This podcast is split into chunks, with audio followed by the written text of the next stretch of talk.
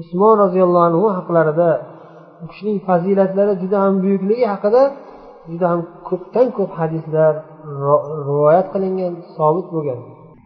Usmon roziyallohu anhuning payg'ambarimizdan keyingi davrlarida boshlaridan o'tadigan voqea haqida rasululloh sollallohu alayhi vasallam o'z hayotliklari davrida xabar berib ogohlantirib qo'yganlar shuning uchun mana bu yerda imom ibn javziy aytyaptilarki zikru tanbih rasul alayhissalom usmana ala ma sayajri alayh rasul sollallohu alayhi vasallamni usmonga tanbeh berib kelajakda u kishining boshlaridan o'tadigan voqeani aytib qo'yishliklarining zikri عن عائشة رضي الله عنها قالت كنت عند النبي صلى الله عليه وسلم فقال يا عائشة لو كان عندنا من يحدثنا قالت قلت يا رسول الله ألا أبعث إلى أبي بكر؟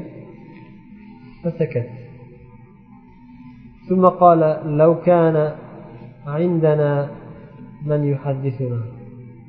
فقلت ألا أبعث إلى عمر؟ فسكت. قالت ثم دعا وصيفا بين يديه فساره فذهب. Oysha onamiz aytadilar bir kun bir kecha rasululloh sollallohu alayhi vasallam huzurlarida edim. Shunda aytdilarki ey oysha qaniydi hozir oldimizga bir kishi kelib biz bilan birga suhbatlashib o'tirsa? dedilar. Shunda oysha onamiz aytdilarki abu bakrga elchi yuborib aytaymi kelsinlarmi payg'ambarimiz javob bermadilar. Sukut saqladilar. Keyin yana birpasdan keyin ey oysha qaniydi oldimizga hozir bir kishi kelib biz bilan suhbatlashib o'tirsa edi dedilar.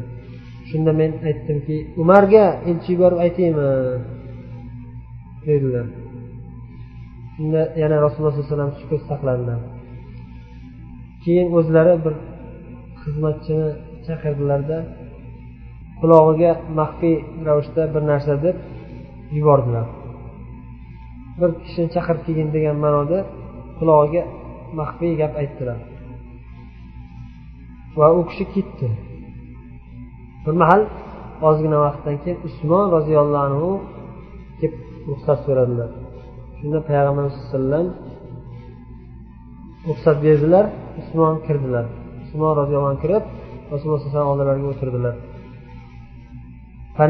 Nabiy sallallohu alayhi vasallam uzoq muddat payg'ambar sallallohu alayhi vasallam maxfiy ravishda gapirdilar past ovoz bilan usmonga gapirdilar keyin aytdilar oxirroqlarida ey usmon إن الله عز وجل مقمصك قميصا فإذا أرادك المنافقون على أن تخلعه فلا تخلعه لهم ولا كرامة يقولها له مرتين أو ثلاثا ey usmon dedilar rasululloh alayhi vasallam olloh senga bir kiyim kiydiradi senga bir vazifa yuklaydi dedilar ya'ni bir kiyim kiydiradi deb bir vazifa yuklaydi degan ma'noda aytdilar shu vazifa yuklanganda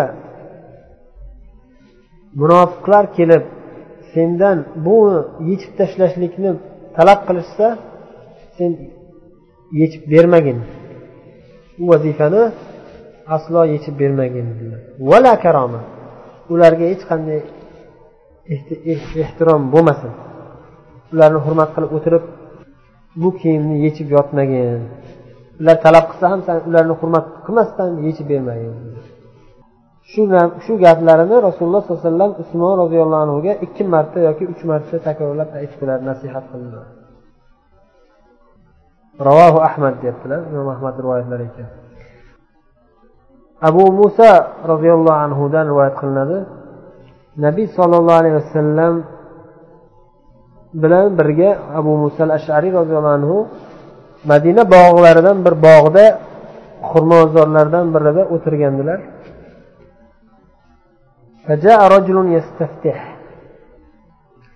Bir kishi eshikni ochishlikni iltimos qilib keldi.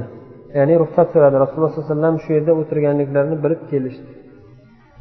Bir sahobiy keldilar ruxsat so'radilar. Shunda payg'ambarimiz abu muso ashariyga aytdilarki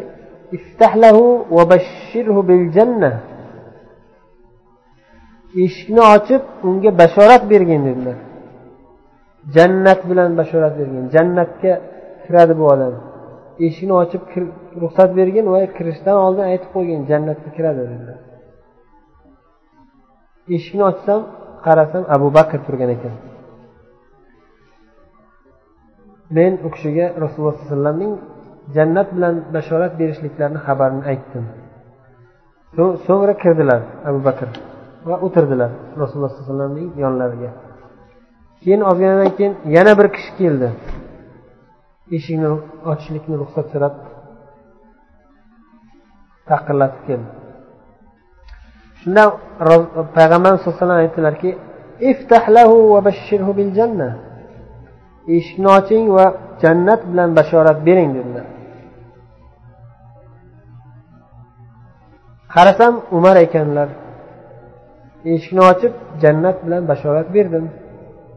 Sizga rasululloh sallallohu alayhi vasallam jannatni xabar jannatga kirasiz deb bashorat berdilar deb ثم استفتح رجل آخر وكان متكئا فجلس فقال افتح له وبشره بالجنة على بلوى تصيبه yana bir kishi eshik taqillatib keldi va payg'ambarimiz sallallohu alayhi vasallam shu vaqtda e, E, shu vaqtgacha yonboshlab o'tirgandilar. Yonboshlab o'tirgandilar. Shu uchinchi odam eshik taqillatganda yonboshlamasdan to'g'ri o'tirdilar. To'g'ri o'tirib aytdilarki eshikni ochib u odamga ham jannat bashorat bering lekin boshiga bir musibat tushgandan keyin dedilar. Ya'ni boshiga bir musibat tushgan holatida bu jannatga kiradi. Bu dunyoda bir boshiga bir musibat tushadi keyin jannatga ketadi dedilar. Keyin eshikni ochib qarasam usmon ekan dedilar. Va men u kishiga jannat bilan bashorat berib aytdim va shu boshingizga bir musibat tusharkan keyin jannatga ketarkansiz deb xabar berdim. Shunda usmon roziyallohu anhu aytdilar allohul mustaan ollohdan yordam so'raymiz dedilar musibat tushganda ollohdan madad so'raymiz deydilar وعن سهل بن سعد رضي الله عنه قال ارتج أحد وعليه النبي صلى الله عليه وسلم وأبو بكر وعمر وعثمان uhud tog'i titrab ketdi. Uhud tog'ini ustida payg'ambarimiz sollallohu alayhi vasallam va abu bakr va umar va usmon bor edilar. Uhud tog'ida turishganda uhud titrab ketdi. Vallohu alam juda qattiq xursand bo'lganligidan uhudda titrash bo'lib ketdi titradi. uhudda zilzila bo'ldi xuddiki shunda rasululloh sollallohu alayhi vasallam oyoqlari bilan uhud tog'ini urib aytdilarki uskun uhud yana bir rivoyatda usbut uhud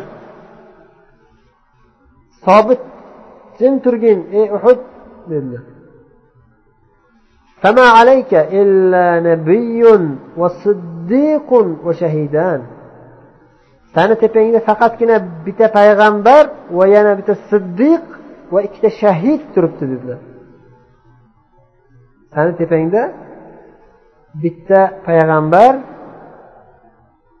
bitta siddiq va ikkita shahid turibdi. Xolos qo'rqmagin jim turgin degan ma'noda rasululloh sallallohu alayhi vasallam uhudni tinchlantirdilar va uhud jim bo'ldi.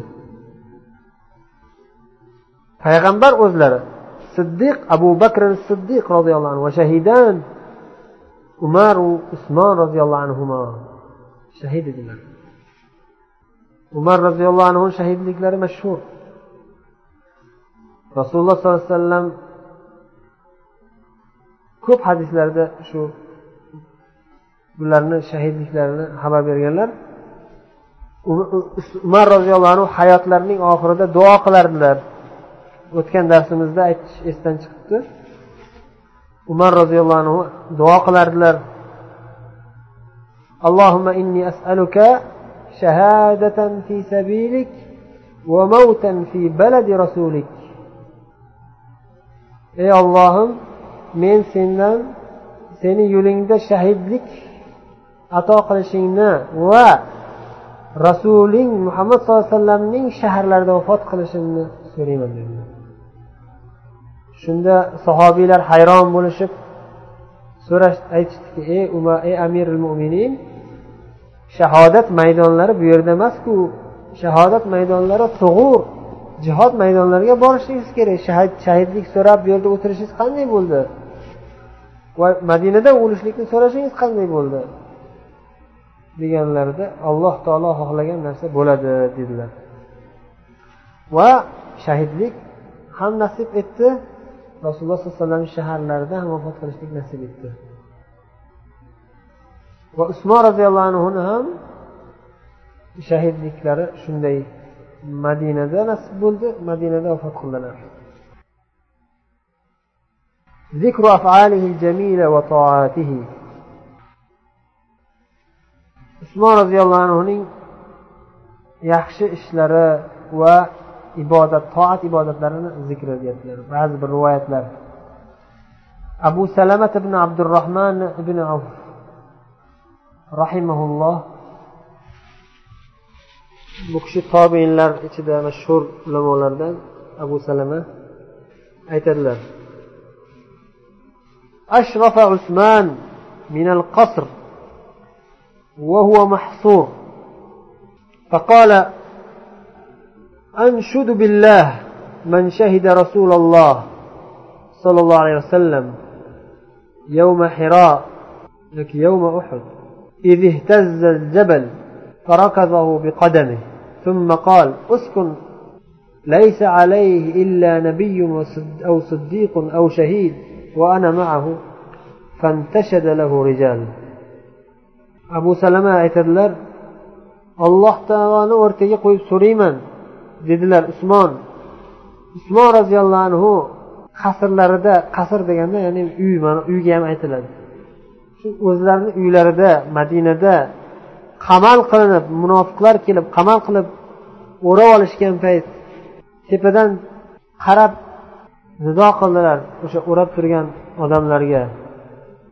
Alloh taoloni o'rtaga qo'yib so'rayman sizlardan qaysi biringiz rasululloh sollallohu alayhi vasallam bilan uhud tog'ida turilganda tog' titragan paytida oyoqlari bilan tepib tog'ni qadamlari bilan oyoqlari bilan tepib jim turgin sani tepangda bitta payg'ambar va siddiq va shahid bor deganlar. Shuni eshitganlar bormi sizlarni ichinglarda?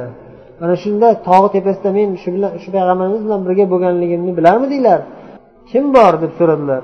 ollohni o'rtaga qo'yib so'rayman guvohlar bo'lsa chiqsin dedilar shunda bir necha sahobiylardan bir necha kishi turib guvohliklarini izhor qilishdi keyin usmon yana aytdilar أنشد بالله من شهد رسول الله صلى الله عليه وسلم يوم بيعة الرضوان إذ بعثني إلى المشركين من أهل مكة قال هذه يدي وهذه يد عثمان فبايع فانتشد له رجال yana ollohni o'rtaga qo'yib so'rayman. Kim ko'rdiki payg'ambarimiz sallallohu alayhi vasallamni bayatir rizvon kuni meni mushriklarga makka ahlidan bo'lgan mushriklarga yuborganlarida bayat berilganda payg'ambarimiz sallallohu alayhi vasallam o'zlarining qo'llarini ko'rsatib mana bu mening qo'lim bu usmon qo'liga o'tadi deb meni mening qo'limni o'zlarini qo'llariga tenglashtirdilar. Kim shunga guvoh bo'lgan? Shunday qilib men meni nomimdan bayat berdilar. Meni meni nomimdan o'zlariga bayat berdilar. Kim shunga guvohlik beradi deb so'radilar. Ollohni o'rtaga qo'yib so'rayman dedilar. Shunda bir necha kishilar turishib guvohlik berishdi. Usmon roziyallohu anhu yana aytdilarki alloh taoloni o'rtaga qo'yib so'rayman kim rasululloh sollallohu alayhi vasallamning quyidagi hadislarini eshitgan rasululloh sollallohu alayhi vasallam aytdilar من يوسع لنا بهذا البيت في المسجد ببيت له في الجنة kim mana bu masjidimizni kengaytirib beradi bir uy qo'shib masjidga qo'shib masjidimizni kengaytirib beradi Olloh unga jannatda uy beradi dedilar. Shunda men masjid yonidagi uylardan bittasini o'zimning molim bilan sotib olib turib masjidga vaqf qildim masjidni kengaytirdim.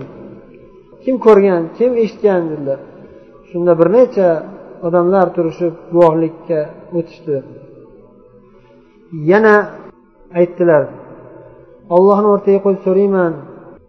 من شهد رسول الله صلى الله عليه وسلم يوم جيش العسرة قال من ينفق اليوم نفقة متقبلة جيش العسرة qiyinchilik qiyinchilikda tayyorlangan ar askarlar kuni ya'ni bu jayshul usra deb turib tabuk g'azotini aytiladi tabuk g'azoti bo'lganda yozda issiqda juda ham qattiq qiyinchilik paytida kambag'allik paytida bo'lgan. O'ttiz mingta sahobiyni jangga olib chiqish kerak tabuk g'azotiga olib chiqish kerak bo'lganda tuya yetmagan bir qancha minglab sahobalarga tuya topilmagan. Shunda rasululloh sollallohu alayhi vasallam kimki mana shu jayshil usrani tayyorlasa unga jannat bo'ladi. Deganlar. Shunda yana bu yerdagi degan lafzda aytilyaptiki kim bugun qabul bo'ladigan nafaqa bilan nafaqa qiladi ya'ni kim nima nafaqa qilsa kim qanday sadaqa qilsa qancha qilsa albatta sadaqasi qabul bo'ladi. Kim bor? Mana shu jayshil usrani tayyorlashga o'z hissasini qo'shadigan kim bor deganlarida usmon roziyallohu anhu ming dinor ming dinor degani o'sha paytda eng katta miqdordagi bir boylik bo'lgan. O'zlarini bor mol mulklaridan chiqarib berganlar. Rasululloh sollallohu alayhi vasallamga usmon roziyallohu anhu juda ham katta boy tijoratchi bo'lganlar va shu jayshil usrani tabuk g'azotini yarmini ko'targanlar. o'ttiz mingta sahobiy bo'lsa shundan o'n besh mingini usmon roziyallohu anhu tayyorlaganlar tuyalar bilan shunda mana aytyapti mana shu askarlarni mujohidlarning yarmini o'z molimdan tayyorlab berganman. Shunda bu yerda keltirilyapti rasululloh aytganlarki ma dorra usmana ma amila ba'dal yawm ma dorra usmana ma amila ba'dal yawm ma dorra usman ma amila ba'dal yawm bugundan keyin usmon nima qilsa ham unga zarar qilmaydi. Bugundan keyin usmon nima qilsa ham unga hech qanday zarar qilmaydi deganlar. Lekin bu bashoratlarni olib usmon roziyallohu anhu butunlay taltayib ketmaganlar. Aslo aslo. Lekin bu juda ham katta bashorat. Usmon bo'ldi. Jannatiy bo'ldi degani. Bugun usmon bugundan keyin nima qilsa ham gunoh bo'lmaydi unga degan ma'noda guvohlik berganlar payg'ambar alayhi vasallam. Mana shu hodisani eslatyaptilar. Kim shuni E, eshitgan yoki ko'rgan deganlarda bir necha odamlar turishib guvohlik berishdi. Biz shu gapga guvohmiz deb. Yana usmon roziyallohu anhu so'radilar o'sha munofiqlarga xitob qilib munofiqlaru shu madina ahlini munofiqlar kelishib hali qissa keladi. Usmon roziyallohu anhu uylarini qamal qilib olishib xalifalikdan tushasan deb turishadi. Va aksar madina ahli hajga ketishgan madinada juda kamdan kam sahobiylar qolgan bo'lishadi. Mana shunday holatda bo'lyapti bu voqea. Yana oxirida so'radilar usmon roziyallohu anhu kim ollohni o'rtaga qo'yib so'rayman kim guvohlik beradi? Ruma degan bir ruma qudug'ini juda ham ko'p suv bilan shirin suv ko'p suv bilan mashhur bo'lgan quduq madinada u qaysidir bir yahudiyni qudug'i bo'ladi. Shuni o'sha yahudiydan hamma sahobiylar majbur bo'lib qimmat narxga sotib olishib qiynalishib qancha qancha sahobiylar chanqoq holda qiynalib yotishganda usmon roziyallohu anhu kelib shu quduqni boshidan oxirigacha hamma yog'ini usmon roziyallohu anhu sotib olib turib xudo uchun vaqf qiladilar. Vaqf qo'yadilar. Shunda payg'ambar alayhi vasallam buni ham jannat jannatga bashorat deb aytadilar. Shuni ham kim shunga guvohlik beradi shu voqeaga deganlarida bir necha kishilar turishib guvohlik berishdi. Abdurahmon habbob sulamiy aytadilar xotaba nabiy sallallohu alayhi vasallam ala jayshil usra rasululloh sallallohu alayhi vasallam xutba qildilar va jayshil usraga ya'ni g'azvat tabuk tabuk g'azotiga tayyorgarlik ko'rish asnosida shunga yordam berishga da'vat qildilar. Chaqirdilar qiziqtirdilar. Shunda usmon roziyallohu anhu aytdilarki meni zimmamga yuzta tuya bor ustidagi yuklari bilan oziq ovqatlari bilan nechta odam ko'tarsa hammasini men o'zim to'layman dedilar. Yuzta tuyagacha mendan yuzta tuya mendan dedilar. Keyin rasululloh sollallohu alayhi vasallam yana ma'ruza qildilar. Kim yana shu jayshul usrani g'azvat tabukni nafaqasiga hissa qo'shadi. Deb yana sadaqa qilishning fazilatlarini ko'p zikr qilib sadaqa xayri ehson qilishga da'vat qildilar. Shunda usmon roziyallohu anhu aytdilarki yana yuzta tuya beraman dedilar. Shu bilan ikki yuzta tuya ko'tarildi. Yana yuzta tuya beraman. Hamma ustidagi xarajatlari bilan bordi keldi. Hamma boyliklari bilan men ko'taraman dedilar. Keyin yana rasululloh sallallohu alayhi vasallam minbardan bir pog'ona pastga tushib turib yana da'vat qildilar. Kim yana sadaqa qiladi kim yana xayr ehson qiladi dedilar. Shunda yana usmon turib turib aytdilar yana yuzta tuya mendan dedilar. Yana yuzta tuya beraman ustidagi nafaqalariyu borib kelish hammasi mendan dedilar. Shunda rasululloh abdurahmon habbob roziyallohu anhu aytadilar shunda rasululloh sollallohu alayhi vasallam usmonni buncha xayr ehsonlarini ko'rganlaridan keyin ya'ni uch yuzta tuyani bir lahzada alloh uchun sadaqa qilib yuborganliklarini ko'rib rasululloh sallallohu alayhi vasallam qo'llarini aylantirib ko'tarib ma ala usmon ma ba'da hada mana shu qilgan amalidan keyin usmonga hech qanday gunoh bo'lmaydi hech qanday zarar bo'lmaydi deb aytdilar. Boshqa rivoyatda ma usmon ma amila ba'da al-yawm. usmonga bugundan keyingi qilgan amallari hech qaysi biri zarar qilmaydi endi deb usmon sadaqa qilgan xayr ehsonlarni ishora qilib aytganlar وعن الزبير بن عبد الله عن جدة له يقال لها رهيمة قالت كان عثمان يصوم الدهر ويقوم الليل إلا هجعة من أوله tobiiya ayollardan birlari aytadilar usmon juda ko'p kunlar uzoq zamon ro'zalar tutardilar va kechasi doim tahajjud o'qirdilar faqatgina kechasining birinchi qismidan ozgina uxlab turardilar xolos kechasini avvalida ozgina uxlab olardilarda keyin bo'ldi qolgan hammasini ibodat bilan tahajjud bilan qiyomillayl bilan o'tkazardilar وعن ابن سيرين رحمه الله قالت قال قالت امرأة امرأة عثمان حين قتل عثمان رضي الله عنه قتلتموه وإنه ليحيي الليل كله بالقرآن usmon roziyallohu anhu ayollari aytadilar usmonni qatl qilishganda munofiqlar usmon roziyallohu anhu qatl qilishganda aytdilarki ayollari sizlar bu kishini qatl qildingiz a vaholanki usmon kechasining hammasini qur'on bilan ihyo qilib kechasini boshidan oxirigacha qur'on bilan tiriltirib chiqardiku dedilar وعنه قال قالت امرأة عثمان بن عفان حين أطافوا يريدون قتله إن تقتلوه أو تتركوه فإنه كان يحيي الليل كله في ركعة يجمع فيها القرآن usmon affon roziyallohu anhu ayollari endi qari ayol bo'lgan holatlari usmon roziyallohu anhuni ayollari qari onamiz munofiqlar usmondan qutulaylik deb usmon roziyallohu anhu o'ldiramiz deb qamal qilib o'ldirishga hujum qilishga tayyor turib harakat qilishni boshlashganda o'ldirasizlarmi? Tark etasizlarmi? Qasamki bu darhaqiqat usmon kechasining hammasini bir rakatda qur'onni xatm qilib kechasini tiriltirib chiqadiku dedilar.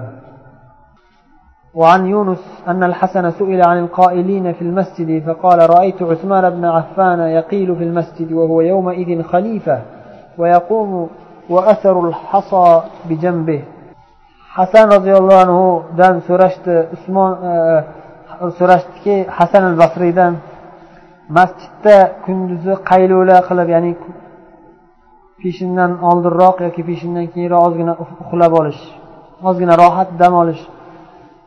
Shu masjidda payg'ambar masjidlarida dam oladiganlar haqida so'ralganlarida hasan al basriy aytdilar men usmon roziyallohu anhuni shu masjidda qaylula qilib kunduzi ozgina dam olib uxlaganliklarini xalifa bo'lib turgan paytlari shu yerda masjidda uxlab dam olganliklarini o'z ko'zim bilan ko'rdim.